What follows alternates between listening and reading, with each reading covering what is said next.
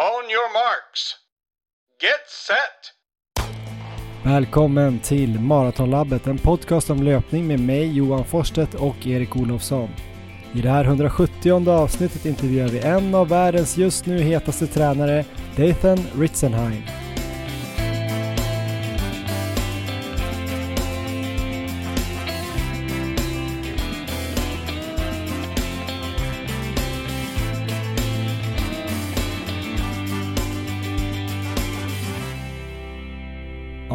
Jag vet inte om avsnitt 170 kan räknas som något typ av jubileum, men jag tycker att siffran ser jämn och snygg ut och om vi nu skulle fira det här Erik så tycker jag ändå att vi kan fira det med ett bra innehåll i det här avsnittet, eller hur? Ja, jag gillar att fira så att eh, vi firar avsnitt 170. Ja, jag tror att det kan bli ett eh, bra avsnitt. Idag kommer vi nämligen prata med en av världens just nu hetaste tränare får man väl ändå säga. Amerikanen Dayton Ritzenhain som är coach för On Athletics Club. Alltså skoföretaget Ons egna proffsteam med namn som Alicia Monson, Helen Obiri, Olli Hoare, Jared Neguse och Joe Klecker. Ritzenhain själv har ju också haft amerikanskt rekord på 5000 meter sprungit tre VM, tre OS. Eh, frågan är om vi har haft med något större namn i en så lång intervju, Erik? Nej, det här har väl varit vår drömgäst egentligen till podcasten, så det känns oerhört kul att vi fick den här intervjun och han gör ju inte så många intervjuer heller, så det känns ganska exklusivt att vi har med honom nu, så uh, riktigt roligt. Mm. Och sen kommer ju du, Erik, också säkert lämna en rapport från Uppsala Marathon där du utan att ha maratränat joggade in på 2.38 vilket räckte till en fin fin tredjeplats bakom Jeppe Lundberg och min hare från Bålsta, Mattias Jonsson. Precis, ja det var kul. Ja, och så till sist kommer det komma lite svärta då från min sida för jag tänker att allt kan inte vara bra och glatt i ett perfekt avsnitt. Så jag kommer ta med er in på en resa då i de svaga fötternas värld, dela med mig av tips om plantarfascit som jag har fått av er lyssnare, men även kanske prata en del om skador, sjukdomar och livets största allmänhet. Jag tycker det här låter som fantastiskt innehåll idag. Jag hoppas att det inte är lika mörkt som det fick det låta nu, men, mm. men spännande. Och det här avsnittet gör vi då i samarbete med er lyssnare som är så många och jävla fina och grymma på att springa. Tack för det. Innan jag lämnar över till dig och eh, din race report Erik skulle jag vilja ha en snabb kommentar på några olika resultat som har stuckit ut för mig den eh, senaste tiden här. Vi har ju inte då för vana att gå igenom resultat på det här sättet men om vi får feeling så kan vi göra det ibland. Och nu fick jag feeling. Spännande. Är du redo? Jag är helt redo Johan. Carolina Wikström, 1.09.39 på Valencia halvmaraton. Ja, det här var helt otroligt roligt. Och det verkade vara lite förvånande ändå för, eh, för de flesta, för Karo själv, för eh, Christian. Och eh, ja, jag mm, vart väldigt glatt överraskad när jag såg det här på, det var på sociala medier, det dök upp där. Det är ett jättehopp och det har varit lite som att hon har legat stabilt nu på en nivå så att hon får ta det här klivet här med liksom mer än en minut på halvmaraton och få ett kvitto på att all den här träningen de har gjort här under året verkligen ger resultat. Och vi får rekommendera igen att lyssna på avsnittet som vi hade med här nyligen med Christian och Caro där de gick igenom vad de har gjort. Avsnitt 167 och eh, efter det har hon ju då slagit eh, halvmaratonpers halvmaraton pers två gånger. Första gången var alltså under 1.11 och nu ganska långt under 1.10 så uh, otroligt uh, intressant att se vad hon kan göra sen i Valencia Marathon i december. Ja men precis, det här kommer ju helt klart ge resultat på maraton också och uh, den enda besvikelsen för mig var ju att jag skulle ut och springa med Carro här i Uppsala dagen efter. Så vi skulle mötas upp där vid tretiden och jag väntade på en rykande färsk lopprapport. Men tyvärr fick jag känning under det passet där när jag hade sprungit, jag hade sprungit drygt tre mil och jag skulle möta upp henne eh, efter fyra mil så skulle vi jogga där en tio kilometer eller någonting. Men jag fick ta bussen hem så att eh, tyvärr fick jag inte den eh, lopprapporten då men ett bra lopp var det ju tveklöst. Mm. Suldan Hassan, också halvmaraton, 1.01.56. Ja, det är också fantastiskt roligt, dels det här loppet och de här 10 km loppen Suldan har gjort på slutet. Han har ju haft eh, stora problem nu ett längre tag efter att eh, han var ju nosade på Gärderuds rekord där på 5000 meter och då trodde man ju att det skulle komma ett jättekliv här, men vilka resultat han gjorde och han gick ut eh, stenhårt här på halvmaran också. Eh, det höll väl, eh, den farten som han gick ut i höll väl inte riktigt hela vägen, men han höll ihop det fantastiskt där till, det var väl fjärde bästa tiden i Sverige någonsin. Och eh, ja, han måste ju vara i strålande form när han liksom går för svenskt rekord på halvmaraton. Det var väl i princip debut. Han hade väl sprungit en gång tidigare i Göteborg tror jag, men det här var väl första gången han kanske gick riktigt för fullt på halvmaraton. Så ja, vilken härlig avslutning på säsongen. Jag vet inte om han ska springa någonting mer nu, men eh, det ser ju lovande ut för 2024 minst sagt. Mm, han hade 13.59 första fem kilometerna. Ja, det är snabbt. Ganska offensiv öppning. Ja, avsnitt 102 av Maratonlabbet eh, finns att lyssna på och det var ju det året som vi trodde att han skulle verkligen slå igenom och börja kanske slå det där 5000 meters rekordet. Sen blev det inte så, men nu är han tillbaks. Tobbe Gyllebring, 69 varv på Big Dogs Backyard Ultra, alltså ett 6,7 km varv i timmen i 69 timmar, totalt 46,2 mil och ny Sverigebästa notering. Ja men det här var kul, det här har jag följt eh, noga. Eh, Tobbe är ju väldigt god vän, eh, Sveriges bästa 24 timmars löpare, min rumskamrat från EM i Verona. Och eh, jag är glad över så mycket med det här loppet. Det är dels att eh, Tobbe sprang så otroligt bra, han såg väldigt stark ut. Jag kollade in med jämna mellanrum när jag gick upp på morgonen och då och då under dagen hur det gick för dem där och han han sprang stabilt, såg jättestark ut. Tyvärr så eh, hade han väl trampat snett där under dagen. De springer ju ett, e-, ett varv på dagen då där det är mer trail och sen på natten springer de asfalt. Så under ett av de här dagvarven så trampade han lite snett, så han hade ju ont i foten där under de sista timmarna och tog ju beslutet då när han hade eh, sprungit bättre än Johan Stenes svenska rekord där. När han hade slagit det med ett varv så valde han att kliva av för att inte riskera någonting inför 24 timmars VM då som man ska springa här om fem veckor. Så jag är dels väldigt glad över att Tobbe sprang så bra, att han slog svenskt rekord, men framförallt att vi nu kommer att ha honom i bra slag här i Taipei också. För hade han eh, sprungit det jag tror att han har kapacitet för på backyard så hade han varit igång väldigt länge till och eh, tävlingen fortsatte ju när Tobbe klev av för då var de ju, ja det är helt otroligt, jag tror de var så här 26 eller någonting kvar som fortfarande sprang då efter eh, ja, 70 timmar då. Så eh, tävlingen fortsatte, jag kollade in lite då och då och eh, det blev ju nytt världsrekord till slut. Rekordet innan var ju 102 timmar, vilket är precis lika sjukt som det låter och eh, att eh, sitta och kolla lite grann på det där efter 100 timmar, det, det är både lite läskigt och eh, imponerande samtidigt. Men till slut var de i alla fall två eh, killar kvar, det var en kanadensare, en 29-åring, plus en amerikan då som eh, heter Harvey Lewis som är 47 år och eh, eh, den här kanadensaren, han, man kunde verkligen se hur trött han var, men han eh, sprang på väldigt snabbt. Jag tror han försökte knäcka Harvey lite rent mentalt där på slutet, så att han sprang varven ganska snabbt så han fick mycket vila då. Han hade väl en kanske 12-13 minuter där som han satt och vilade innan nästa varv. Medan Harvey kom in eh, några minuter innan nästa varv skulle starta igång.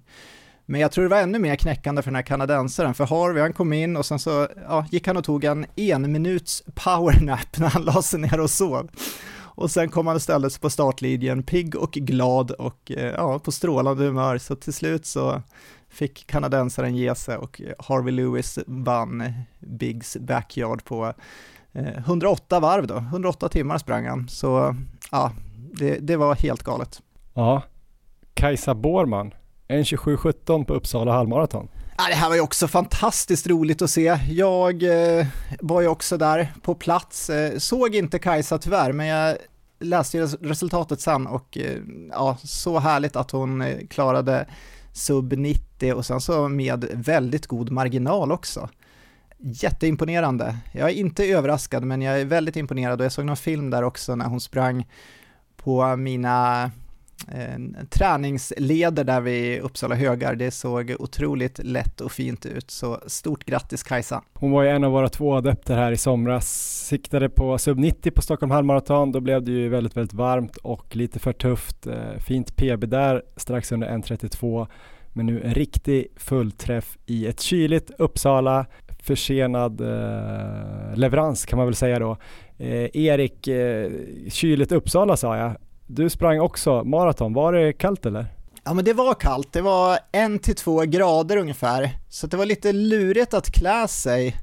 Det är lite lättare känns det om det är så här 6-7 grader, då vet jag precis vad jag ska ha, men en till två grader, det, var, det blev ju underställströja och mössa och handskar till slut. Men det var inte speciellt blåsigt, så att förutsättningarna vädermässigt var ändå goda. Jag kan inte klaga på vädret, utan det var nog en av de bättre dagarna i Uppsala faktiskt för att, för att springa snabbt på. Men påverkar det på något sätt, tyckte du att man blev eh, stel eller så? Man brukar ju säga att eh, optimala temperaturen kanske är runt eh, 8-9 grader. Ja, nej, jag tycker inte det, utan jag, ja, jag led inte av vädret, utan eh, det är klart, eh, lite varmare hade säkert varit att föredra, men eh, ska absolut inte skylla på det och det var många som sprang snabbt, så det var, det var bra resultat. Så ja, vädret var bra. Det var ju fantastiskt skönt att kunna sova hemma också och sen så få skjuts ner till starten 45 minuter innan startskott, så borde, så borde alla maraton springas egentligen. Och jag sov eh, bättre än jag någonsin har gjort innan lopp, för jag brukar alltid sova väldigt oroligt, men den här natten sov jag, sov jag bra, så att det, ja, det var bra förutsättningar inför loppet. Hur hade du förberett dig då eh, inför med, med träningen den veckan och sådär och eh, ja, sen får du väl berätta om loppet också. Ja, nej men det vart lite, vad ska man säga, ofrivillig formtoppning, för som jag nämnde där så fick jag ju bryta ett pass på måndagen när jag skulle springa där med Karo. Så att då, eh, eftersom jag fick ont i foten där, så jag testade igen dagen efter och då kändes det bra igen. Men det blev väl tre mil måndag, tre mil tisdag och sen tror jag att jag sprang eh, 15 på onsdagen och sen torsdag och fredag eh, en mil bara. Så att det var eh, jämnt emot hur jag har tränat nu tidigare, eh, som en formtoppningsvecka nästan. Så jag hade väl en 10 mil i kroppen kanske när jag kom till start där på lördag. Och vi kan väl hoppa in där i uppvärmningen, för jag värmde ju upp tillsammans med din tänkta lagkamrat i Magasin Springs stafettlag, Mikael Tisjö.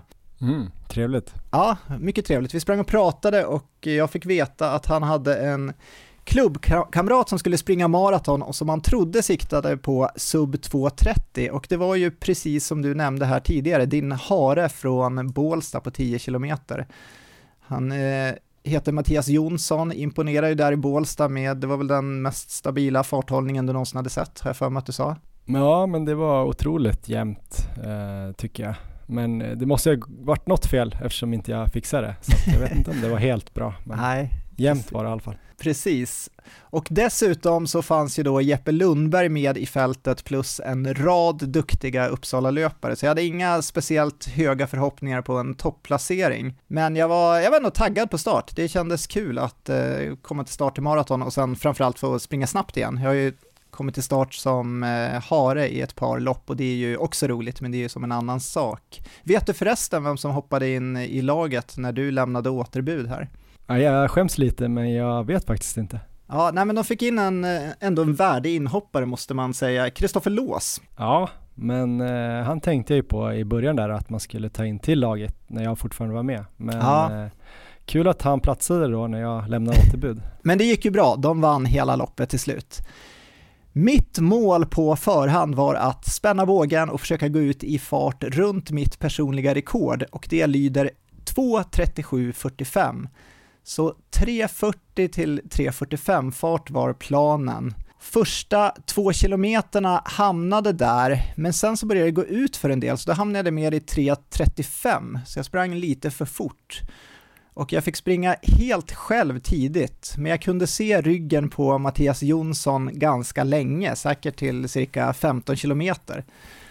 Och jag sprang på mina vanliga träningsrundor, men den här gången i nummerlapp med folk som hejade längs vägen och jag sprang snabbt, vilket jag i princip inte gjort alls de sista månaderna. Jag räknade ut att efter Lidingöloppet så har andelen kvalitet i min träning varit mindre än 1% och resten är distansfart. Men det var, det var kul, det var riktigt kul. Redan efter en mil så såg jag dock att jag var uppe i 165 i puls och då min anaeroba tröskel ligger runt 170 så kändes det ganska högt. Jag tänkte att det här kan bli en riktigt tuff dag till slut. Jag tog en gel efter 8 kilometer och sen så fick jag langning av sportdryck efter 16 kilometer. Och där fick jag besked att jag låg trea i loppet, så det var väldigt peppande, för känslan var god, jag hade hög puls men pigga och starka ben och farten kändes absolut inte orimlig. Så jag passerade halvvägs då efter att ha varit borta vid Skarholmen och sprungit tillbaka längs Fyrisån så kom jag tillbaka till centrala Uppsala på 1.18.00 där vid halvmaran. Så då låg jag riktigt bra till och nästa langning kom vid 23 kilometer och strax efter det så mötte jag Jeppe Lundberg för första gången. Och det här var inte som på Ultravasan att han hade sprungit fel, utan eh, det här var ju som det var tänkt, för det var en stor vändplan som var som en enorm kvadrat, där varje sida kanske var cirka 200 meter lång. Och när man hade sprungit det där eh, varvet så sprang man tillbaka då och mötte löparna som kom bakom. Och i den här kvadraten kunde jag se att jag nog hade cirka en minut till nästa löpare. Så en hyfsad lucka och målet blev nu att bara försöka hålla pallplatsen. Att nå Jeppe eller Mattias var såklart omöjligt. Sista milen blev det lite tyngre, innan dess hade jag haft väldigt god kontroll och hållit farten stabilt, men nu hade jag några kilometer runt 3.50 fart, så det var inget stort tapp, men ändå ett litet tapp. Pulsen låg kvar i 165, vilket kändes väldigt bra, för den hade inte stuckit iväg som jag kanske trodde att den skulle göra. Och jag sprang med kontroll, så det var inte som tidigare marer där det bara handlat om överlevnad sista biten. Med eh, fyra kilometer kvar så fick jag beskedet att jag hade två minuter ner till fyran och det handlade nog egentligen bara om en minut, men det gjorde ändå att jag kunde springa kontrollerat sista biten, jag kunde spara lite krafter, jag kanske låg i runt 3.50 till 3.55 fart. Och jag visste att jag låg i princip jämnt med mitt pers, men målet var här ändå en pallplats och att inte behöva ta ut mig helt med tanke då på att VM i 24 timmars bara var fem veckor bort. Sen kommer man till den här avslutningen eh, i Uppsala som är brutal när man ska upp till slottet. Det är många höjdmeter, men jag kunde se där bakom mig att jag inte hade någon eh, inom synhåll. Så att jag körde på in i mål, jag kom i mål på 2.38.09. Det var alltså 24 sekunder från pers, men en tredje plats på ett maraton. Så ja, väldigt roligt. Jeppe Lundberg vann ju då på ett fantastiskt banrekord, 2.19. Han ska ju vidare sen till Valencia och springa och det här var ju minst sagt ett eh, bra formbesked. Vad var hans plan för det här loppet då? Var det någon viss procent av marafart eller pratade du något med honom? Ja, jag pratade med honom efter och han hade tänkt springa på 2.25 men fått lite feeling där, men det var ju ändå med väldigt bra kontroll. Så eh, ja, det, det låter ju lovande. Mattias Jonsson tvåa på 2.30 och eh, han sprang ju andra halvan betydligt snabbare, för jag såg ju honom ganska länge, inte vid halvmaratpasseringen, men eh, ändå därefter kanske 16 kilometer så kunde jag ändå se honom en bit fram. Så att jag tror han avslutade andra halvan väldigt snabbt och enligt eh, Micke Tisjö så kan nog Mattias göra 2.25 på maran så att eh, där finns det kapacitet. Jag kom in som trea och eh, Viktor Gustafsson, Falun, persade på 2.39 och var en minut efter mig i mål. På damsidan var det en annan imponerande insats som jag också vill lyfta fram. Det var en Dalarna-löpare som heter Jenny Björnberg. Hon vann där överlägset på 2.46. Oerhört stark tid och Carolina Wikström fick lämna återbud efter förkylning under veckan så att Eh, när jag tänker efter på det i efterhand så kanske det var en vinstlott där att jag inte kunde springa med Karo på måndag. så, eh, så det var bra. Men roligaste mål av allt var att jag möttes av Olof Norlén, Sveriges snabbaste kirurg. Han hade sprungit för Mantra stafettlag. Han sprang ifrån mig den där blåsiga dagen 2020 på Vindbromaran i Uppsala. Du stod och hejade på oss där Johan. Och eh, då var Olof otroligt stark, men han har haft svåra skadeproblem efter det och nu är han på väg tillbaka härligt att se och sen avslutningsvis så måste jag också nämna min klubbkamrat i Mantra, Erik Widmark, som sprang första sträckan för Mantras stafettlag. Lyssna på det här Johan, han körde alltså 10 kilometer på 32 någonting. Han avslutade såg jag där i 3.07 fart eh, innan han växlade över till sträcka 2. Men han fortsatte att springa ändå, utom tävlan. Och sen mm sprang han hela maran, han gick i mål på 2.35 och slog sitt eget stafettlag. Så sjukt imponerande och han hade ju varit trea i loppet om han hade varit anmäld i Mara-klassen. Så det var ju bra för mig att han sprang stafett där istället. Men var stafetten samtidigt som Maran? Alltså Ja. sta- ni startade samtidigt? Ja visst, så att han sprang ju som Maran, han var med i starten och sen så drog han ju iväg och eh, spurtade till växlingen och sen bara fortsatte han springa. Uh, ja, det var galet. Ja, imponerande. Mm. Härlig dag, riktigt fin och varierande bana, toppen arrangemang och eh, massor med duktiga funktionärer som hejade och servade längs vägen. Ja, men vad tror du om eh, din prestation här då? Det är ju kul att tänka vad det hade kunnat blivit. En bra dag med maratonträning, eh, alltså platt bana och så vidare. Sånt vill man ju drömma om. Vad känner du? Alltså det är väldigt, väldigt svårt att säga. Jag jämförde lite med mina gamla maraton bara för att se ungefär hur vi hade legat ansträngningsmässigt. Så jag gick in på Strava och så tog jag fram snittpuls och maxpuls på mina tidigare lopp. Vi hade ju eh, mitt pers då från, ja vi tar det här loppet först då, då hade jag Uppsala Marathon 2023, snittpuls 163 och maxpuls 173. Eh, när jag persade i Jordbro så hade jag snittpuls 165 och maxpuls 175, så jag låg ju lite lägre här. Um, och Lidingöloppet i år kan vi också ta, då hade jag snittpuls 165 och då var jag uppe i maxpuls där, det var väl 182 på slutet så då, då var det helt galet. Men det var, ansträngningen var ju lite lägre än vad jag haft på tidigare maraton, så att det var med lite mer kontroll. Framförallt så det jag känner att jag har mest, eh, vad ska man säga, förbättringspotential är väl att eh, träna i lite mer de här farterna, kanske då ännu snäppet snabbare än vad jag sprang nu. Så eh, kan jag träna mer i det så tror jag ändå att eh, jag har väldigt bra uthållighet nu och så benstyrka. Så eh, det finns ju absolut en hel del tid att göra nu tror jag med en mer specifik sista period in mot maraton. Men jag vet inte hur mycket, det är väldigt svårt att säga. Eh, uppenbart är det i alla fall att man kommer väldigt långt bara på hög volym och kontinuitet. För jag har Mm. ju inte tränat någon kvalitet och jag kunde ändå springa jämnt med mitt pers här. Så, så det var kul, men det får väl eh, bli framöver. 2024 så får vi göra en satsning någonstans. Får vi se hur snabbt det kan bli. Mm, du får damma av det här gamla jättesmala målet sub 230 då tror jag.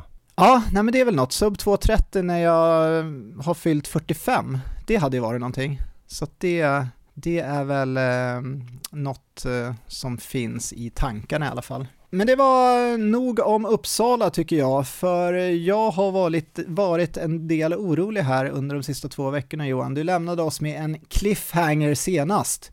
Hur mår du och hur är läget med foten? Det hade kunnat varit en kul övergång där från Olof Norlén när du började prata om honom till mig. För han fick väl problem med, med fötterna där efter Vindbromaran. När han kvalade till SM och sen försvann han. Var det inte typ plantarfascit eller någon häl eller liknande? Ja, jag tror det. Jag vill inte nämna det för dig senast, men jag tror han har varit borta i flera år med de problemen. Så att jag, jag hoppas att det inte är det du ska berätta att du har nu. Nej men om tre år så kör jag stafetten på Uppsala Marathon, en sträcka. Det är typ den prognosen jag har nu då. Men eh, det är därför jag sa att det ska bli svart här när jag pratar om min fot. Ja, eh, för er som inte fattar någonting, ni kanske inte lyssnade på förra avsnittet, jag vet inte. Jag hade kommit från en bra träningsvecka, också kommit trea i ett mindre lopp då, men ändå, Haninge trail. Men jag hade ju också fått då känning av plantarfascit, skräckskadan nummer ett. Det värsta som finns tror jag efter mäns våld mot kvinnor, dåligt behandlade barn, Israel-Palestina-konflikten, det svenska gängvåldet, cancer, klimatkrisen och dåligt kalibrerade löpband. Ja, ni fattar ju, en hemsk sak på en hemsk lista. Något som berör er lyssnare också. Jag tror aldrig jag fått in så här många tips och fått så många eller stora sympatier tidigare under vår snart sex år långa poddresa. Eh, så stort tack till alla som har hört av sig. Jag hoppas min begravning blir lika kärleksfull.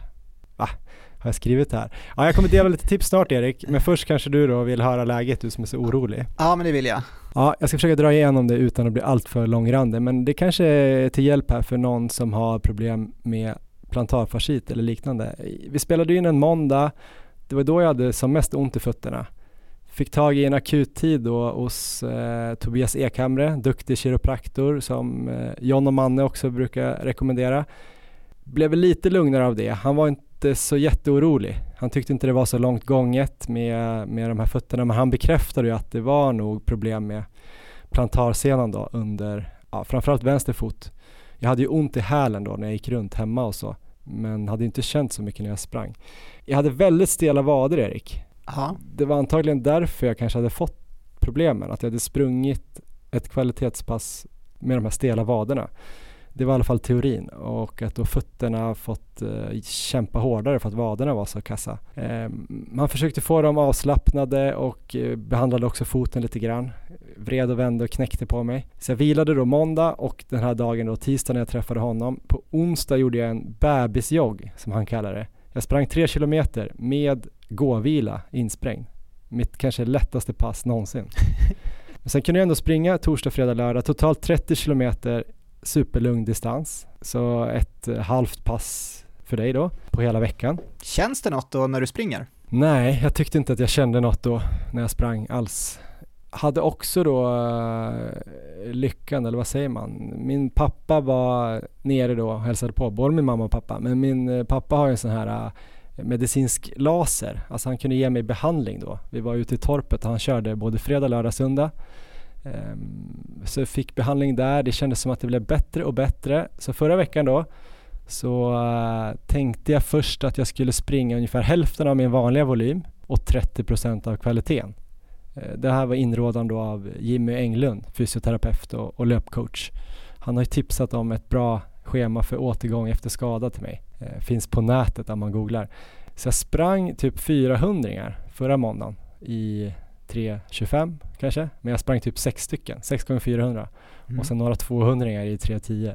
Eh, kände att det kändes ganska bra, men sen kände jag så här, fast det här känns också lite korkat, att det är lite onödigt att utsätta fötterna för den här kanske hårdare belastningen då av, av löpning sub 3.30 fart. Så, så, vi pratade lite du och jag, och, eh, eller mässade i alla fall. Så, så sen dess har jag ändrat lite fokus till att bara få in så mycket lugn löpning som möjligt på mjukt underlag och sen köra styrka och sen har jag kört något alternativpass, lite stakmaskin och rodd men ja, det är inte så kul Erik. Vi får se hur det blir med, med alternativträningen. Men eh, sex mil blev det förra veckan. Lugn löpning plus de där 400 Känns ganska okej okay, men lite så här halvdålig, märklig känsla igår faktiskt. Litet bakslag, inte ont men en känsla av att det inte var helt hundra kanske. Men annars har jag sprungit smärtfritt i, i veckan. Men diagnosen är plantarfascit. Har du ont um, utanför löpningen så att säga? Jag skulle inte säga att jag har ont, men jag känner att jag är, har irriterade uh, fötter. Mm. Att uh, den är lite, jag trycker på senan där så känns det som att den är lite stel och då gör det lite ont och sådär. Och uh, nu har jag gått med tofflor inomhus hela tiden så avlasta fötterna lite grann. Så jag har inte känt av den här hälen så uh, jag brukar ibland säga så här att om, om du hade hoppat in i min kropp och bara gått runt lite så hade du nog inte tänkt på att jag hade ont i fötterna. Kanske inte ens när vi springer. Så på så sätt är det ju bra.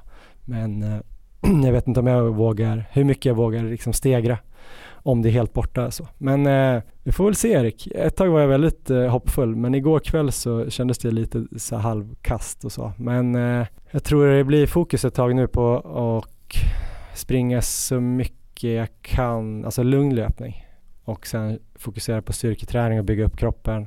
Beach 2024. Nej men kanske inte beach 2024 men bli stark för löpningen.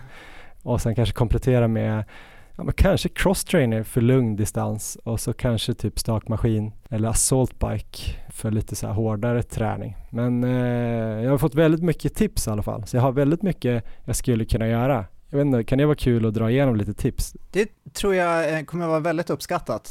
Så kör en lista. Det verkar ju vara så många som haft problem med det här, eller har problem med plantarfascit och många som har varit oroliga för mig då. Så att jag har fått mycket tips. Här är lite så utrustningsgrejer för fötterna. Då finns det alltså strumpor med någon sorts vadderad häl, alltså tjockare häl på själva strumpan som ska tydligen avlasta hälen. Iläggssulor då är det många som tipsar om, så här specialutgjutna som man lägger i skon då när man springer. Innetofflor då, att man har tofflor på sig in, inomhus eller inomhusskor så att det inte blir så hårt att gå runt med, med bara fötter på jobb eller hemma om man nu skulle göra det. Eh, lite stretchövningar Erik. Stå på knä med så här böjd tåled och så här sätta sig ner om du fattar. Just det. Så man stretchar ut eh, hela foten. Mm. Stretcha vaden då, framförallt den nedre delen av vaden. Det var väl kanske framförallt där jag hade problem också. Dra foten bakåt så med en handduk eller liknande. Så att man drar den mot sig, man håller den, man, man sätter handduken runt foten och drar den mot sig. Stretcha framsidan av underbenet. Alltså så här, typ träna på att pointa foten, att man kanske står på knä och sätter sig på fötterna fast då utan att tårna är böjda. Så att man bara sätter sig på fötterna. Eh, det var tydligen någon som hade testat alla de här andra grejerna och sen hade han hittat någon eh, lite så här halleluja YouTube-film om någon som gör det här och så skulle det försvinna på tre dagar. Och så hade det typ gjort det. Det var lite så här, eh, jag förstod inte riktigt förklaringen till varför det skulle funka men någon, på något sätt att det, att det hänger ihop då, framsidan av underbenet och baksidan. Det kanske är rimligt. Hur många dagar har du kört den? Eh, Den har jag körde jag direkt då ganska mycket. Dels sitta där och dels som man sitter med ena foten i knät och bara drar eh, liksom, alltså mot, alltså att man inte stretchar undersidan av foten utan man drar åt andra hållet så att fot, foten och underbenet blir helt rakt och så Mm. drar sig. Det gjorde jag ganska mycket första dagarna tills jag höll på att tappa ena foten då, så på att lossna från fotleden så då var jag tvungen att sluta med det. Det var skönt. Mycket, mycket bra tips. Mera. Jag har mer här. Tåhävningar med en handduk under tårna. Rulla en hård boll under fötterna, det är en klassiker. Köra massagepistol under fötterna. Har inte testat den, kanske ska bli ikväll. Och sen tror jag det här med att springa då. Mjukt underlag, springa långsammare, springa ett hårt trail-lopp och hoppas det försvinner. det är en person Lägga som av. har tips om det eller? Eller Ja, du? han hade haft problem ett år. Ja. Ehm, och sen hade han känt sig uppgiven och sen hade han ändå kört ett trail-lopp ganska hårt och sen hade det försvunnit. Så det är väl det kanske roligaste tipset, alltså det som skulle vara mest roligt att, att eh, göra. Jag vet inte om det är det som har störst chans att lyckas. Vad jag tror tycker du? det ska, eh, att du ska avvakta med det. Det får komma när du har provat precis allt annat. Ja, så mycket tips. Eh, ett tips som jag har till mig själv då, andra som kanske drabbas av sjukdomar och eller skador, kanske hitta lite bättre balans i livet. Vad tror du om det tipset Erik? Är det ett flummigt tips? Det är nog alltid bra. Så eh, Ja, jag tror att tror jag vi det- alla behöver. Ja, framförallt tror jag kanske de som drabbas återkommande av problem. Alltså, jag kan ju tänka så här, jag fick, blev ju sjuk inför Lidingöloppet i september. Det tyckte jag var lite så här, ja men vilken oflyt, dålig timing. Förskolorna öppnar igen. Ja, de hade varit uppe några veckor, barnen blev sjuka, jag blev sjuk. Det var ju otur att jag fick det viruset precis innan Lidingö. Så kan man ju tänka. Och sen fick jag problem med fötterna när jag drog igång igen. Då kan man ju tänka så här, ja det var lite eh, snabb upptrappning kanske, dåliga skor eller gamla skor som jag sprang med, ett pass med dåliga vader. Men det kan ju finnas en större förklaring tänker jag. Kanske en massa underliggande stressorer i livet. Är det, kan det vara att det är liksom livet som försöker säga mig något kanske? Att jag först blir sjuk och sen när jag då kommer tillbaks blir jag skadad i fötterna. Det kanske är som att jag måste ta tur med, med återhämtningen här. det, det tror jag är bra. Sen tror jag du kommer, jag tror du kommer må bra av att springa lugnt i skogen. Så bara där tror jag du kommer ha eh, en del av det här receptet för att hitta balansen. Mm. Nej, men jag tror kanske det har varit lite med, eh, om man ska gå in på det här med livet och lite kort bara, för det kanske blir eh, ganska eh, långtråkigt, men vi har ju hållit på att sälja lägenheten. Det är mycket med en två och en femåring och mycket med jobb och Emmas jobb och allt möjligt så här samtidigt. Så även om inte jag har varit stressad och känt mig så trött och stressad då, så kanske jag ändå ligger där och gnager lite, sover lite för lite fortfarande Erik. Jag tror att jag har gnällt om det i flera år. Sen tycker jag, jag tror det var Stefan Bjerkegren, vet du vem det är? En styrkecoach som jag följer på Instagram. Han skrev nog det, kanske var det i våras. Jag tror han hade en massa problem, att han blev skadad eller inte blev bättre eller sjuk eller något. Men att han skulle börja liksom fokusera på återhämtningen först och så här kost och återhämtning och styrka kanske. Och när allt det satt, då skulle han börja fokusera på löpträningen igen. Alltså typ vända på det lite grann. Så jag, jag tror jag kanske ska försöka tänka lite så. Se till att jag sover bra, äter bra, kör min styrketräning, springer lugnt och när allt det funkar och jag känner mig pigg, då, då jävlar Erik. Berlin 2024. Ja men det tror jag på eh, fortfarande. Det, jag kommer ihåg när du hade hälseneproblem och eh, det satt ju ett tag men sen så, sen så släppte det ju och eh, det kommer nog ske samma sak här också. Det positiva är väl ändå att det låter som att du upptäckte ganska fort. Det är väl en hel del personer kan jag tänka mig som har sprungit länge med de problemen och eh, då är det kanske lite svårare att komma tillbaka. Det låter ju som att det kan variera väldigt mycket i hur snabbt man kommer tillbaka från en sån här skada. Det kan ju vara allt från en månad till tre år känns det som. Men jag skulle mm. gissa att du kommer ligga i det kortare spannet där, det klart kortare spannet. Ja, jag tror att jag är bara ett hårt trail-lopp från att vara helt frisk. Eller så. Ja, men nu är det dags för en eh, högtidsstund här. En intervju med Dayton Ritzenhain som alltså är huvudcoach då för On Athletics Club. En träningsgrupp som startades för tre år sedan och som framförallt i år, vad Erik, har fått mycket uppmärksamhet tycker jag. Eller så är det jag som har fattat det här nu. Eh, de är väl 13 löpare i gruppen, flera världslöpare på distanser från 800 upp till maraton. Alicia Monson har väl amerikanskt rekord på 5 och 10 000 meter. Helen ja. Obiri vann Boston Marathon i år. Jared Negus eh, såg man väl, slog väl igenom lite under VM där, 1500, han var femma. Eh, Joe Klecker, Ollie Hoare. finns ju fler bra namn. En spanjor där, vad heter han? Mario någonting. Han var väl sexa på 1500. Garcia, ja precis. Just det, som han nämns också lite i, i intervjun tror jag. Eh, bra löpare, han var bra löpare själv också ganska bra i alla fall. 12.56 på 5000 är ju godkänt. Eh, det var amerikanskt rekord då, inte nu längre. Eh, har sprungit maraton på 2.07 också, så ganska bred som löpare också, Ritzenhain.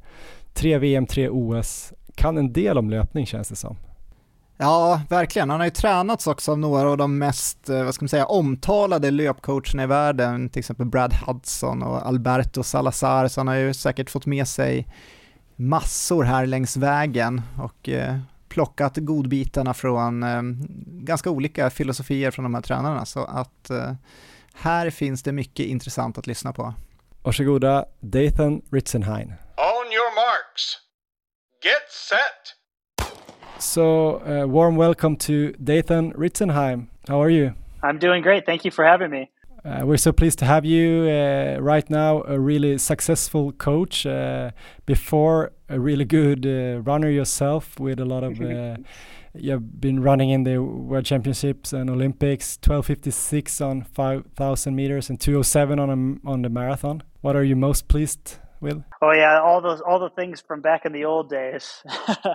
you know, I, I think I was fortunate to have a very long, successful career, but I think probably the longevity of the career was something I was really proud of. I, I ran professionally for uh, for 16 years after uh, after the NCAA, um, running in there for a few years before, and so I ran to the ripe old age of uh, 37, and I was not very good in the last couple of years, but uh, I was fortunate to be able to make. Uh, I guess I made three three Olympic teams, three World Championships teams, and uh, I don't know, maybe I ran about 10 marathons and towards the end of the career. But uh, yeah, I just, uh, I, I had made a lot of good friends out of the sport and it allowed me to move into, uh, you know, the position I have today now and coaching the On Athletics Club and what I think is the best, uh, probably the best uh, track and, you know, distance training, training group team in the world right now, in my opinion. I'm probably biased, but, uh, uh, but it, it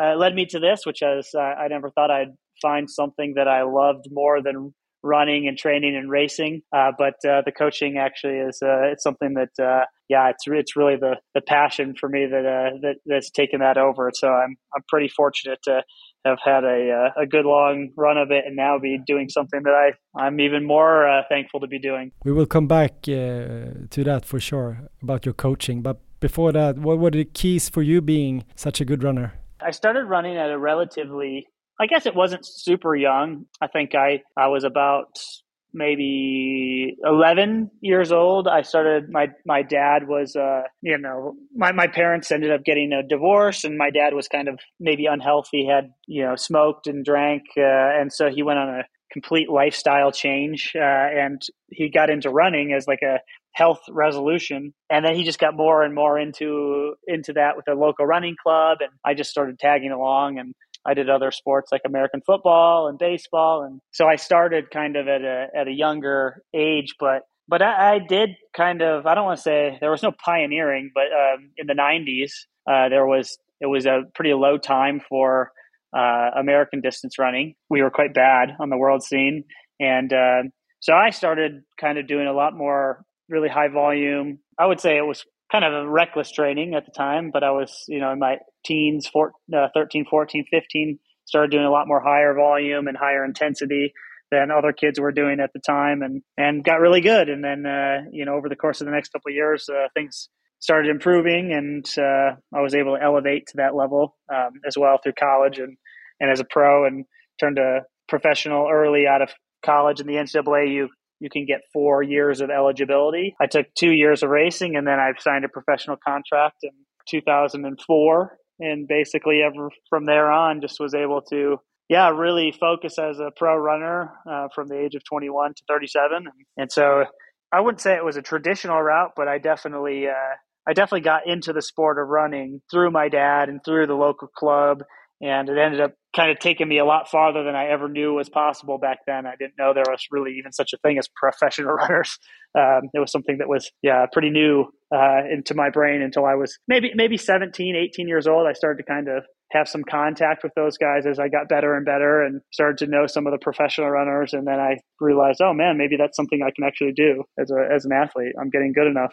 But did you do a lot of different things uh, compared to those guys who weren't that successful in the 90s? I, I think so. Yeah, I I ended up going to quite a high volume of running. Yeah. Um, I think at the time in the 90s, it was uh, there was a very the trend was uh, quite low volume, high intensity, yeah. um, and I I mean by the time I was 17 years old, I was running uh, anywhere from 90 to around 90 miles a week was pretty normal for me. So 150k a week, I guess, probably yeah. be pretty close to. And so I that was quite different from most uh, most high school athletes in the U.S. then, and so I got a lot better real quick. so that was the biggest difference, though. And now, being a coach, uh, like looking back uh, at your career, knowing everything you know now about running, could you have done anything different or more to be even better? For sure. I think uh, I said this before. I, I, trained more recklessly, kind of a lot of everything, a lot of uh, volume of running, but also very intense uh, training quite regularly, like five days a week. We would okay. do what I would consider to be structured hard workouts.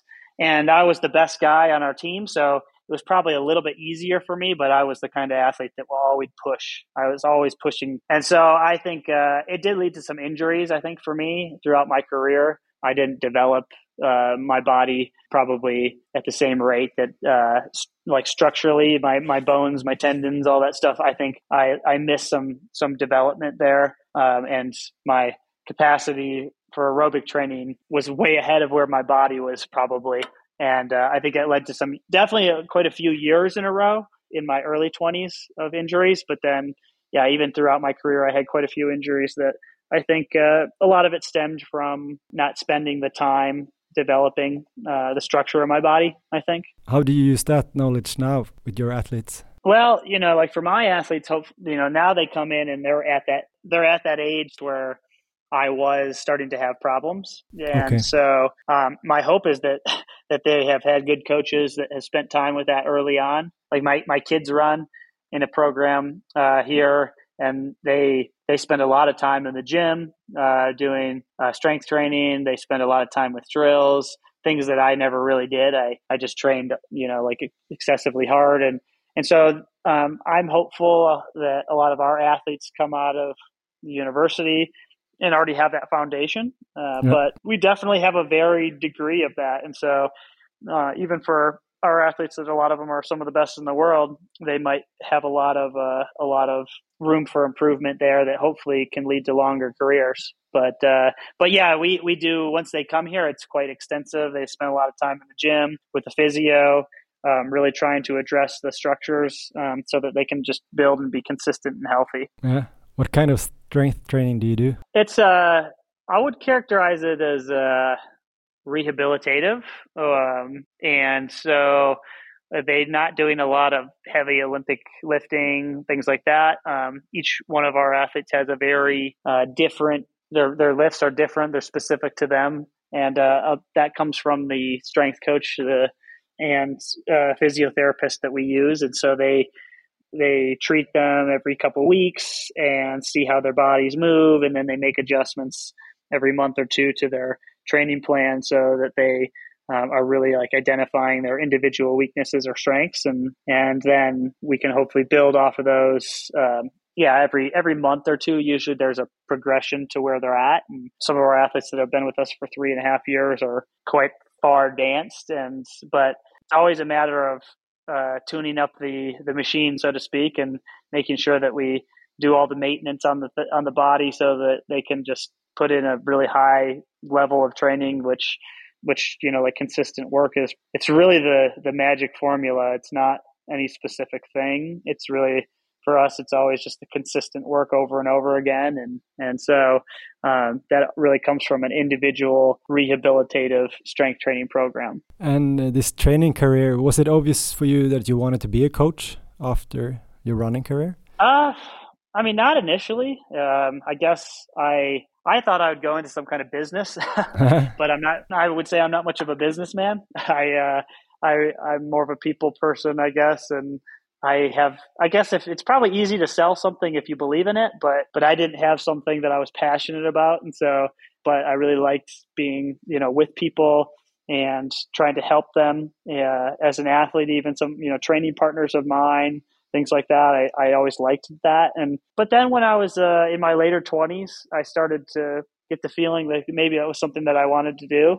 And, uh, I, then I spent a good, from about the age of 30 so for about seven years, I spent uh, a lot of time as like a volunteer assistant at some of the universities in the U.S. Um, and it was a good way for me to to learn a lot from some of the some really good coaches that uh, you know have really good uh, programs, Division One, Division Two, and just to be able to kind of you know uh, impart you know something on on athletes that I had maybe gone through, and and uh, I really enjoyed that, and so um, it was a really yeah it was a process of about yeah probably nearly 10 years for me to get to the point like where i took this job for example. But now it's yeah it's something that i absolutely love. And would you say now that you have like a certain philosophy about training and in that case how would you describe it? Yeah for sure. I, I always tell people if they ask what the training philosophy it's there's a moderate I would say it's it's a moderately high volume of training. It's not extreme of total running, yep. and uh, moderately high volume of threshold uh, work. But year-round development of speed is pretty important to us, and so they run fast pretty early, um, but not super intense, I guess. And so, from a periodization standpoint, it's uh, it's definitely uh, it, it's evolved over time, and it's less uh, time is spent, I guess, uh, early in the year on really intense VO2 work, but we do we do hit it quite you know like in in small doses uh, throughout even earlier in the year. It's just we don't emphasize that. So, but it's a moderately high volume of training, and so that's uh, I'm a big believer even in that the maximum amount that you can do and still get better every year and stay healthy. That's like kind of the the recipe, the formula, you know. And so at a certain point, it changes for for athletes uh, based on where they're at in their development. But that's really the most the most difficult thing is once you become a professional athlete is to differentiate between you know like performance and development because they're they're fairly developed athletes, but there's still things that they're getting better at. And so they have off some, you know, they don't have too many years to be pros. So you have to really maximize the years, but you have to know that they have to get better all, the time. And uh, yeah, at a certain point they they'll stop getting better. I stopped getting better when I was probably about 30 years old, but like I think uh, I also could have gotten I could have developed better as an athlete, and so that's really the balance for for me. I think as the coach is you find a really talented athlete and getting them to develop, but also perform at a level which is you know like they're maximizing their professional careers. That's that's a that's a hard balance because everybody comes in at a different state. Some people are very low on aerobic development. And so we have to build that part up, you know, quicker than, you know, others that come in and they're super developed aerobically and, uh, and we can go into more specific work. They have a higher capacity for it already, you know, but it's, it's, I would not say it's a one size fits all program, but a lot of the early part of the year is very foundational. And I think it doesn't matter who you are, you might be more capable of, you know, you know h- higher loads of threshold work or something like that but you still have to do the foundation period to be successful for the other half of the year really. And so we are at 13 athletes now and so that's the balance is trying to find the right individual approach for for each of them but but also know that these are the fundamental things that we know work no matter what. So so yeah it's it's a pretty long-winded answer but um, but it's really interesting. Uh, it's interesting to talk about uh, how you adjust the training to different individuals. Mm -hmm. So I understand you changes things because of background and maybe the distances they are uh, gonna run. But do you also think that some runners respond better to some type of training because of like genetics or fiber type or For something sure. like that? For sure, wherever they're they they each have a different profile and so building that profile and where they sit on the spectrum of you know a real middle distance runner that might have you know more type 2 fibers or you know to a person who's a real aerobic athlete that can't get their blood lactate levels very high like we have to find out where they are in that curve. And so because yeah the same stimulus doesn't work the same for each athlete. And so if i take one of our 800 runners and uh, just give them tons of threshold work there does not work. I know that. But like I also know that even the men and the women are quite different, you know, like and so finding what we don't want to have to have trial and error too much, but there is a little bit of that when you first start working with an athlete. Um, if you don't have a background on them already, so that's the part about being that sometimes you have to be a little conservative and like our, for example, this year, it's the first full year that we, I had with Yared Nuguse and Mario Garcia Romo, and quite different profiles. And uh, but they finished within one one hundredth of a second of each other at the World Championships. You know, and Mario much more of a real middle distance runner, yard a little more aerobic. So there's a little bit of trial and error, but I didn't put them both right with uh, Ollie Hoare, for example, because he's three years into huge aerobic development where they would just be destroyed. So they would run at 80%. And sometimes Mario, even we would change, we'd have to change the recoveries maybe for him to stay within the zone that we wanted, um, but also allow him to work out with these guys. And like all three of those guys ran 329 in the same race off from different levels of training. and so identifying you know which each one of them needed is that's yeah that's a challenge for sure. And so uh, but it's if i just give them all the exact same sessions the exact same volume yeah someone's gonna someone's gonna break down. And and so we we definitely it's it's a good thing to have training partners but also you know being okay to say i'm not the best at this type of stimulus whatever it is they have to be okay with that and uh, it's hard, you know, like when you're in a group of really high performing individuals to think, uh, I can't do what my training partner is doing, or I shouldn't at least do what my training partner is doing, but I can still have the same kind of result. And so that's the psychological balance that I think coaching is you know the one-on-one with the athletes is is super important. It's not it's not just about the science. It's not just about what you're getting out of the training stimulus. It's about what's ha- what you're what's happening between their ears, you know, that matters too, and uh, what they're thinking is is uh, you know that's the psychological part that that is uh, a lot of coaching really at this level. Let's say right now when you're training your athletes, maybe you're in the base phase now or soon. Uh, if you have like a runner who runs or train for the five or 10k, run maybe 100 miles per week, how do you like plan the training for base week now? How does it look? Do you have any specific yeah. days for quality sessions and so on? Yeah, for us, we we do. Um, it's a slightly unique schedule, just because of, but it's more because of uh, like access to facilities for us. Um, so right now, during this foundational period, that's what I call. It. I don't like to call it base phase. I like to call it foundational, but you know, whatever. It's same thing where we're building the the base or the foundation for the rest of the year. Yeah. We basically run still on seven days, you know, which we don't necessarily have to do, but um, if uh, we keep the training density uh, appropriate so that they can build and get to their full training volume and be healthy. But what we do is usually our long run days will be on um, Tuesdays. And the reason why we have long runs on Tuesdays is because the workout days are shifted to Thursday is usually oftentimes it's hills or fartlek threshold, something that's off the track. But then on Sunday is usually the most structured workout of the week. It's usually on uh, on the track, and we get the track to ourselves uh, that day. And so um, those are the quality days of the week. And then the other days, Monday, Wednesday, Friday, are usually easy days where we will have one or two runs and we do our gym work, our, our strength training on those days. Um, and then Saturday is the one day a week that we don't meet. It's a schedule that we use for probably about eight months of the year. And then once we get to the summer, it's a revolving, you know, it, it's a constantly moving schedule that's not on that uh, that that uh, same rotation. But uh, but we do use that for a lot of the year, and then it's uh, it's something that's worked very good for us. And those uh, quality sessions, you said uh, like it could be threshold or hills Thursday.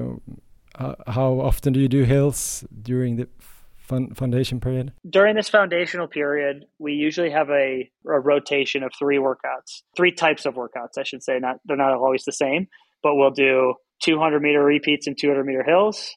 Uh, we'll do a longer fartlek, which for the most of the team is between 40 to 50 minutes, and then we'll do a threshold session that generally is between I mean, the middle distance runners might only run six to eight miles, but the longer distance runners might run eight to 10 miles um, on the threshold days. So we, we rotate between those three through the first couple months of the year until we have a preparation phase that's shortened um, leading into the indoor races. Yeah. And we will do, we'll still uh, have one big threshold session usually on one day of the week. And then the other day we start to have some progressive VO2 type work that we'll do one day a week, but it's a pretty short period of time, only about four weeks before we have some races, and then we we kind of go back into a, a, smaller foundational rebuild, is what I would call it for for about uh, two months of the year before the outdoor track season starts. And then you also do like four weeks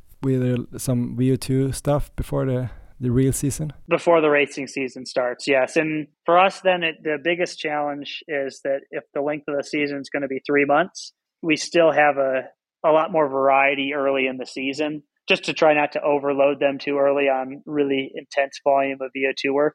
Um, so we have to have enough to race at a high level, uh, but not to take all the money out of the bank, so to speak, um, too early. And so we've been successful in the last uh, couple years having people run well at the end of the year. Um, but I'd say it's definitely much more of a balance at that point. But if they have a strong foundation from those two blocks of that foundational period, they're generally very, very, uh, very strong throughout the summer. But do you still do like track work during the this first period as well? Not really. I mean, if we're on the track, it's uh, it's more uh, it's very controlled. Uh, we do do threshold work or things like that sometimes on the track just to keep it keep things controlled, I guess. Um, or occasionally, you know, like weather dependent, we might change some things because we can clear the track and things like that. But throughout most of this uh, until uh, until January, there's, there's the only thing that we do on the track are the 200s and the hills, and the 200s, like they'll start them uh, like for our 1500 meter men, for example, who are all 329 guys. They they'll start them at 29 or 30 seconds. So they're not super fast. Um, they're not very intense. There's an adequate amount of recovery between them so that it doesn't expedite their fitness too quickly. And then they get down to the point where they're running 26 or 27 uh, seconds for the 200s, um, but with quite a bit of recovery. So it's not a very taxing workout. It's really a, it usually makes you feel better for the next session. And then when they start that again after the indoor season, they kind of just start right where they were uh, left right where they left off because they're from the indoor season. They're neurologically more capable, and so but still the workouts are not very hard. They might be running 25 or 26 second 200s, but it's not a taxing workout for them like it, it would be if we went and did you know uh, 10 times 400 meters or something like that. That's a very specific hard session. But how often do you do those kind of sessions when you go real hard, like like almost on the limit, or do you do that? Yeah, um, sometimes. I I think I don't think we do it that much. I mean, I guess indoors we don't really do it at all. Um, we go to the I would say there's some hard sessions, but they're very short. The the amount of time that's spent in that zone is very short. Um, but once we get to outdoor season um, into the summer, uh, we'll we'll probably generally before like a major competition, we might have two or three sessions like that, and then uh, again right before like the major championships, probably three good sessions. They're real benchmark workouts, and um, but it's you know the year is really quite progressive. And so I think you have to be you have to stand on the line in uh, August and be hundred percent to really go for it. And uh, and so balancing the health part, you know, like and also maintaining the capacity, the aerobic capacity is pretty key to that. And so if we do too do too many of those, you can definitely uh, you can erode a lot of the uh, a lot of the gains and just fatigue them. And uh, it's kind of a mistake I think I made uh, last year, uh, leading into the uh, World Championships, not this past year, but the year before when it was in Eugene. Um, I, I think I, I gave them too many of those sessions and they were a little bit stale and, and just uh, it took a bit to come back out of that. And uh, they had really good finish to the season, but um, that's the balance is really like getting enough of it, but not overloading it. And, and so, yeah, that's, uh, it's a that's that's the art part sometimes i mean some people say it's a science but you know like it's your overall training too right and everybody has a different path to get to the major championships. Like if everybody had a easy path where they were an automatic into the world champs or olympics it would be easy. But a lot of our athletes have to qualify at their national championships. And if that's the case you have to be you know, like if you're a us runner you have to you have to be so ready. Uh, the the the the trials are so good. And then you have to be really ready again four to six weeks later. And so there there's a lot more of a balance there than an athlete who might come from a smaller country that all they have to do is have the qualifying standard and show up. And so we have we have both. We have people in, in both those situations and so like trying to get them to train together, work together and get the same those benefits while being on a slightly different schedule is uh, that's the intricate parts, I guess. Talking a bit more about the, the long thresholds, I know you're at least right now a believer in, in long thresholds rather than maybe the Norwegian style double thresholds. Uh, how come? Well, I think I'm not, not I'm not a I'm not a not believer um, in double threshold, I guess. So I just I don't know that I've seen the science like on a large group of people to see long over the long term if I did see that, if I said if there was a long study that tracked people over the course of years, like a large group of people, and I said this is more beneficial than doing just a long uh, block of of uh, or a long session of threshold, um, then I, I would be happy to add that. And I have evolved to the point where I think some of our athletes who are very developed now in in their threshold might need that change of stimulus because we can't logically go higher in a single day or a single session without having a negative impact. But not every athlete is at that level. And I'm I'm a believer that you at the pro level you should be able to do eight to ten miles of threshold work in one session if you've done it properly. And that should not impair your next session. And if you have a strong structural foundation, like our athletes do, you will be healthy doing that. But can you go over that? Probably not. That seems like it seems excessive. So then maybe we do need to consider that it's an option. But our athletes really right now have only just gotten to that level. So there's there's probably the room for evolution, I think, for uh, but I like I say, I also believe that I don't believe men and women have it's shown to be equally beneficial right now. So I'm just not a big believer in experimenting, I guess, with the athletes. Like I know these that certain things work, and then after that, I have to have a really strong, you know, belief that they need a different change in the stimulus. And so, yeah, like my guys ask me it all the time, um, and it, there probably is a point relatively soon where some of our athletes will adopt some of that Norwegian training method or the double threshold. I don't know if it's really Norwegian, but like they, there's a good chance of that. But I have to feel really good because I know what we're doing is working. Yeah. And if I look at our guys, for example, and I say our guys are better, like our 1500 guys have finished better than every single other athlete minus t- two or three, you know, doing it the way that we do it. Now, are they maybe that much better that if we start doing adopting what those other two or three people might be doing, would that make the difference? I don't know. But they're already at a level where they're beating most guys. I have to think long and hard about whether or not that's worth the risk. Like I have to look at it very objectively. And if I if it was an athlete, all athletes want to do it because there's an emotional connection, you know, to maybe Jakob Ingebrigtsen or or uh, Nordis or one of those guys who has adopted it. Well, those guys were second and third at the World Championships, but the guy who won and the guy who won the year before don't do the same training model, you know, and my guys don't do the same training model. So I have to look at all those things and say, am I being stubborn and want to believe that our system is is better, or are those guys uh, are they just better because they were going to be better, or are they better because they have a different methodology? And so I just don't take lightly changes like that. And so while I've evolved over time, yeah, I'm I'm I'm definitely always going to stick to the things that we know work for sure. And so part of that comes to tracking this data and expanding my own capabilities. And you know, this year we we did start doing that. We started tracking a lot of data, taking lactates on athletes, uh, and things that you know, just measuring more stuff scientifically to see um, from a trending standpoint. And so that's something that we're going to continue to do. And then that is going to be what will help inform me on whether or not we make some changes with any of our athletes. And when you measure lactate, do you use it just to, to bring that data to uh, to look at afterwards, or do you also use it to like maybe break a session for some runner or?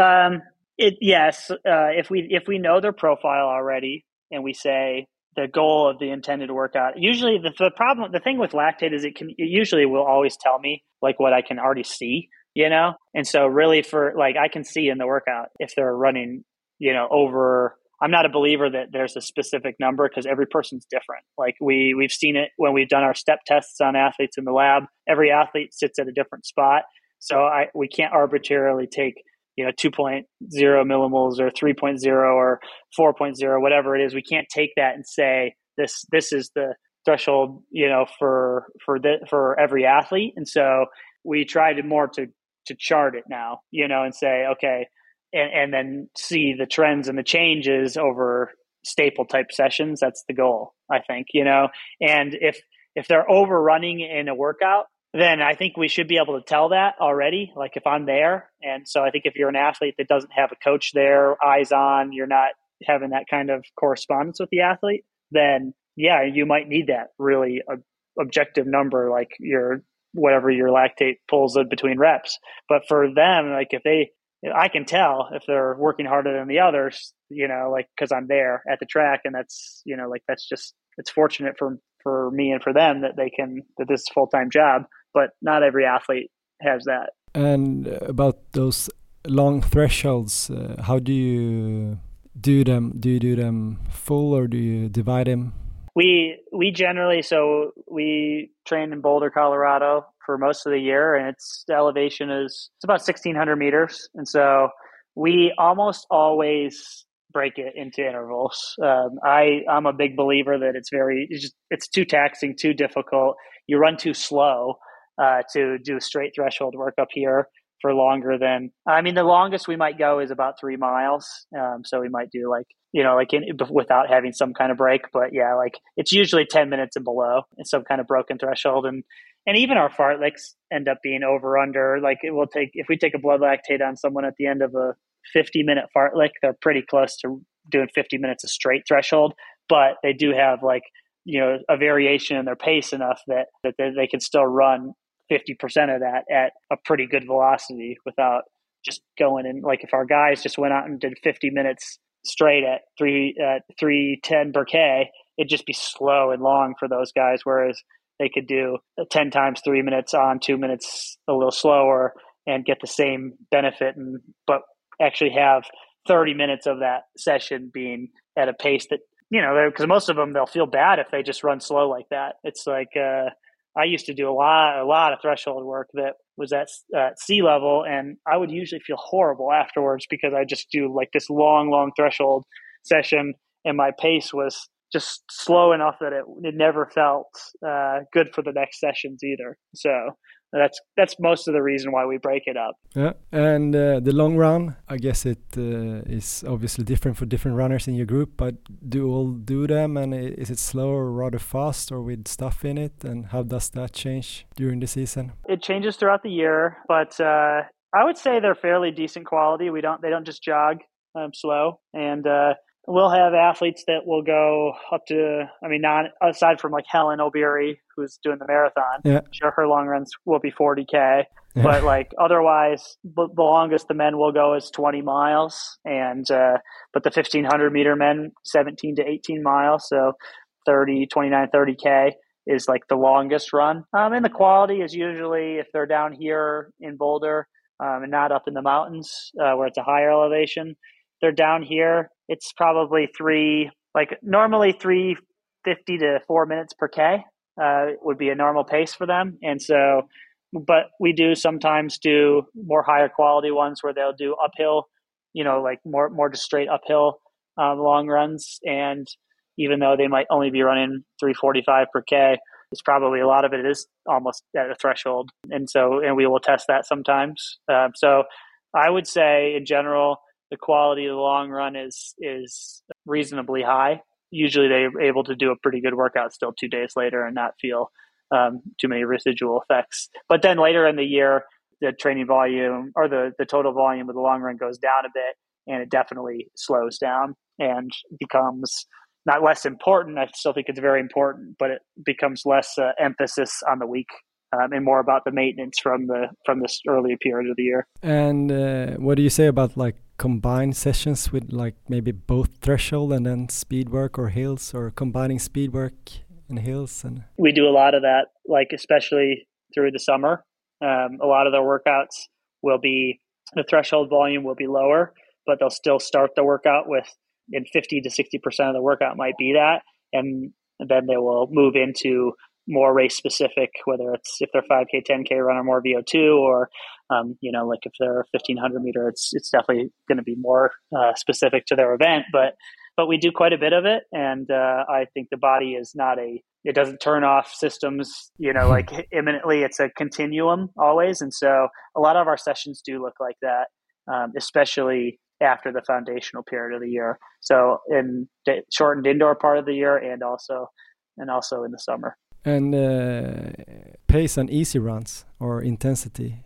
It's and easy runs. I it's completely up to them how they feel. We have athletes who want to run, you know, like just love to run six minute miles or three forty five k's, like right, right out the door, and they feel better. And as long as they're recovered for their workouts, I let them. But that if they a lot of athletes that feel bad, they'll just usually go in smaller groups uh, we'll meet together at the same time, but they'll run together with smaller groups based on how they feel. And I don't give them any any instruction; just run on a feel that day. And the training, the total training volume is high enough, and the workouts or the long run come often enough that they they don't once they get up to their full volume of running, they are very comfortable running whatever they feel like that day to be ready for the next day. Is it like possible to translate anything of this uh, that you're doing with your athletes and your training philosophy to like intermediate runners running like 60 miles a week and have 40 hour work week and kids? Yeah.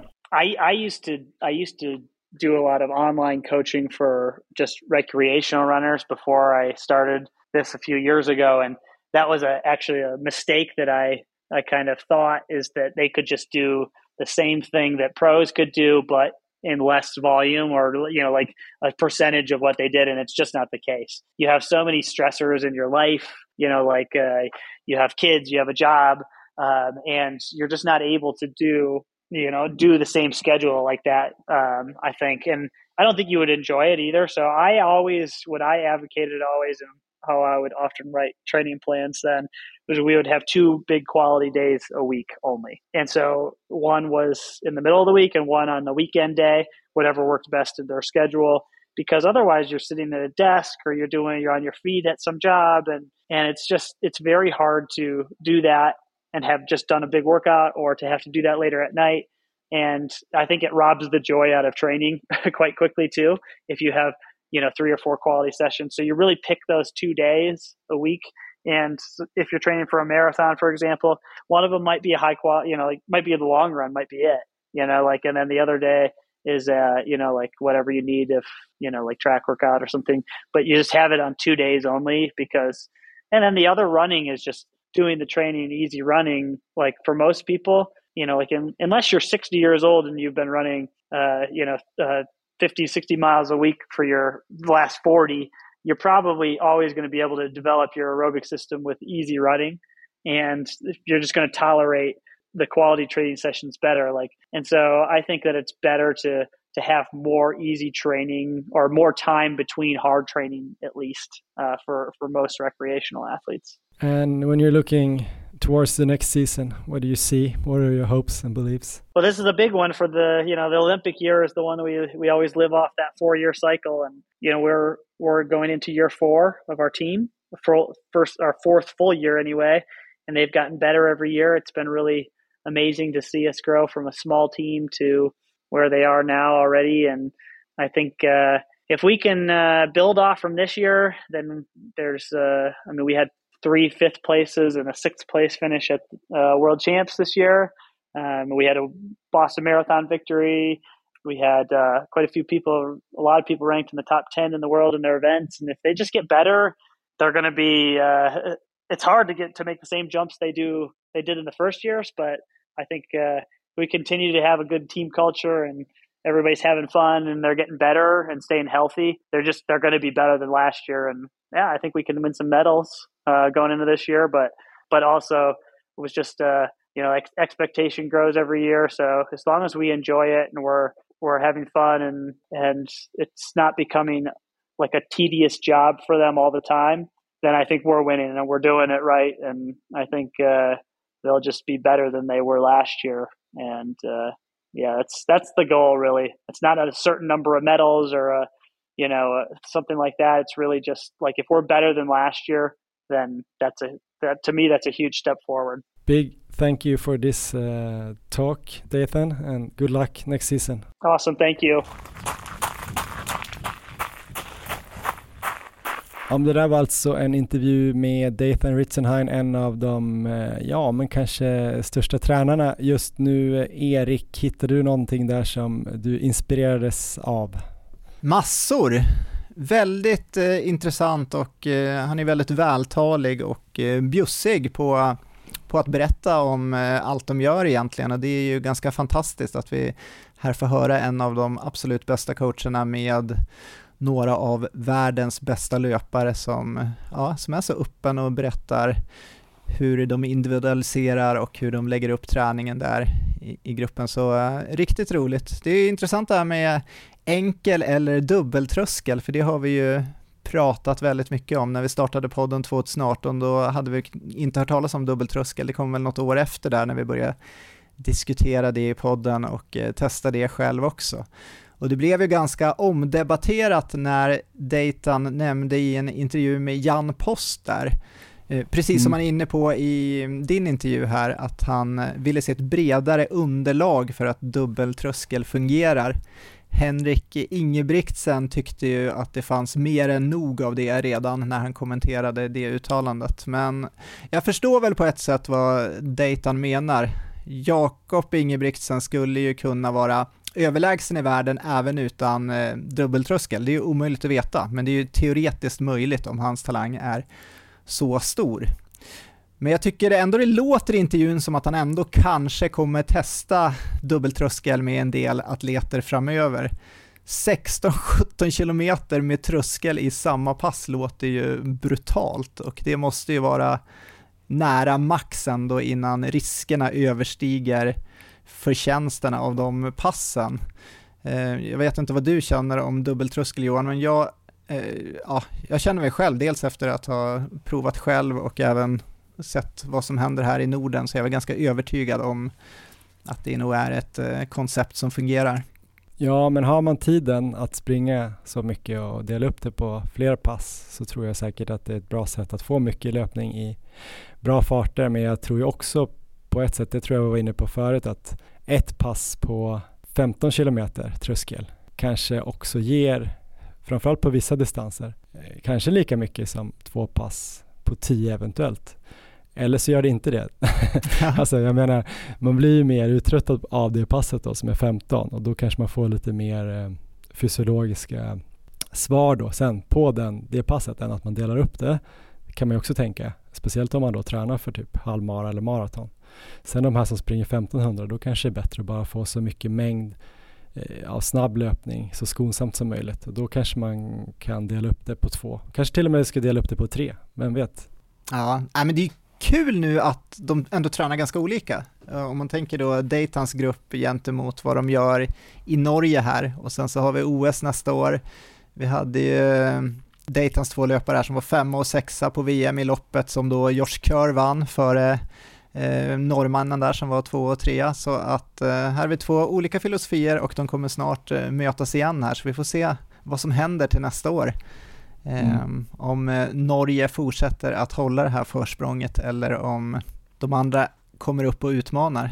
Det vore intressant också att veta lite hur eh, britterna tränar, om eh, vilken, vilken väg de går, för de har ju faktiskt vunnit båda VM-gulden här på slutet på 1500 meter. Men i övrigt så, eh, ja, Magic Formula, consistent work over and over again. Det är ju något vi har varit inne på länge och det är väl det som är den här stora nyckeln, att ha kontinuitet i träningen och att eh, kunna träna hårt men inte gå över gränsen. Och individuella styrkeprogram, det är nog väldigt viktigt, dels i en sån här träningsgrupp men även eh, för oss motionärer, att vi får in rutiner på det där det kanske inte alltid behöver vara tung styrketräning även om både du och jag förordar den typen av träning om man har möjlighet. Men någon form av eh, styrkerehab som man får in som bra rutin, det är, ja, det är helt klart en nyckel.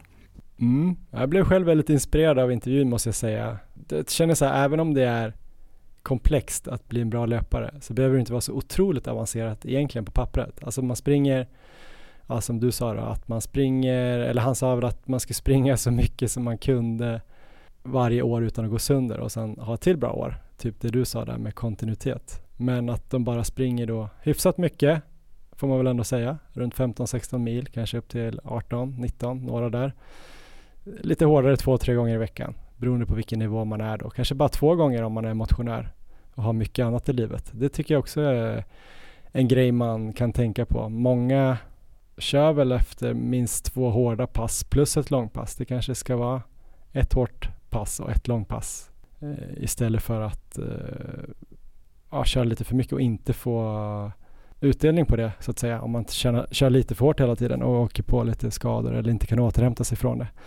Eh, ja, grundperiod med backar, fartlekar och tröskel. Det är väl så ganska klassiskt ändå. Men jag tyckte det var kul att höra. Ja, verkligen. Och eh, någonting som jag gillar väldigt mycket det är när han pratar om distanspassen där, att det styrs individuellt på känsla. Inga krav på farter. Jag gillar det och brukar dels göra så själv men även med mina adepter. Känslan för dagen får styra.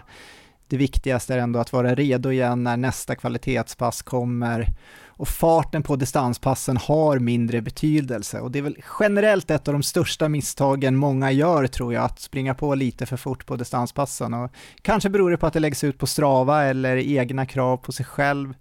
Men kan man komma ifrån det så vinner man mycket, dels då med bättre kontinuitet i träningen men även bättre kvalitet på träningen i det stora hela när man kan komma till kvalitetspassen och vara eh, liksom redo, mer utvilad helt enkelt. Så väldigt, eh, väldigt bra, kloka tankar. Det här kändes som att vi tolkar lite olika på ett sätt faktiskt, för att det kändes också som att han då med att man fick springa vilken fart man ville ändå öppnade upp för att man fick springa det ganska fort så länge man var. Alltså det är ju en risk, förstår du vad jag menar? Alltså om du låter dina adepter springa vad de vill för fart, då tänker du så här, då får de springa hur sakta de vill. Men det lät nästan som att han tyckte att det var okej okay att de bara stack ut i 3.45 direkt från köket och bara drog på så länge de mådde bättre av det. Men det kan ju kännas också som en fara, för jag har ju adepter som ibland vill springa snabbare distans än vad jag kanske tycker. Och då vill man ju inte riktigt släppa det fritt. Förstår du vad jag menar? Ja, jag tror Dayton har väldigt bra kontroll på det just för att han ser sen på kvalitetspassen vad de gör och om det är några som liksom ligger och kör på för hårt då kommer de inte vara redo när de här kvalitetspassen kommer. Ehm, men, ehm, men absolut, det blir ju som ett ansvar då för individen att, eh, att eh, styra det och det, det kräver ju mycket då av tränaren i det här fallet då att han eh, kan se det här så att, inte, så att man inte går över, över gränsen där bara för att man är inspirerad och vill köra distanserna för snabbt. Så, så det ja, ställer helt klart krav på tränaren då. Mm. Men vi kan säga att de som känner sig strava-hetsade på distanspassen, vi kan väl säga att från och med nu, eller från och med ett tag tillbaka ändå, så är det ju coolare att springa så, lång, så, så långt ifrån sin milfart som möjligt, alltså så långsamt som möjligt.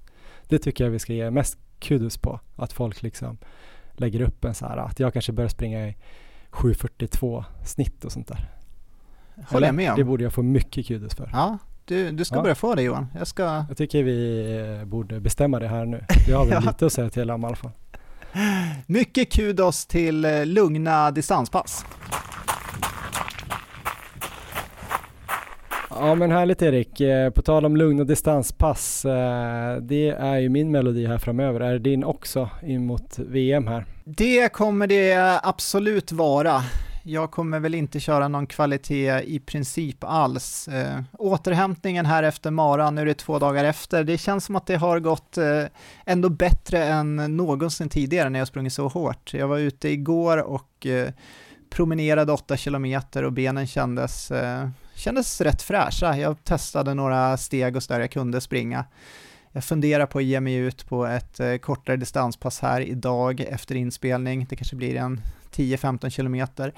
Och känns det bra då så hoppas jag vara igång sen i full träning. För nu har jag tre veckor då som jag kan träna på här innan nedtrappningen mot VM i Taiwan börjar. Så att eh, den här veckan blir väl eh, någon slags uppstartsvecka efter maran, men sen hoppas jag då med, ja, få in två rejäla veckor helt enkelt och komma upp mot 30 mil på de två veckorna. Det är det som har varit min plan.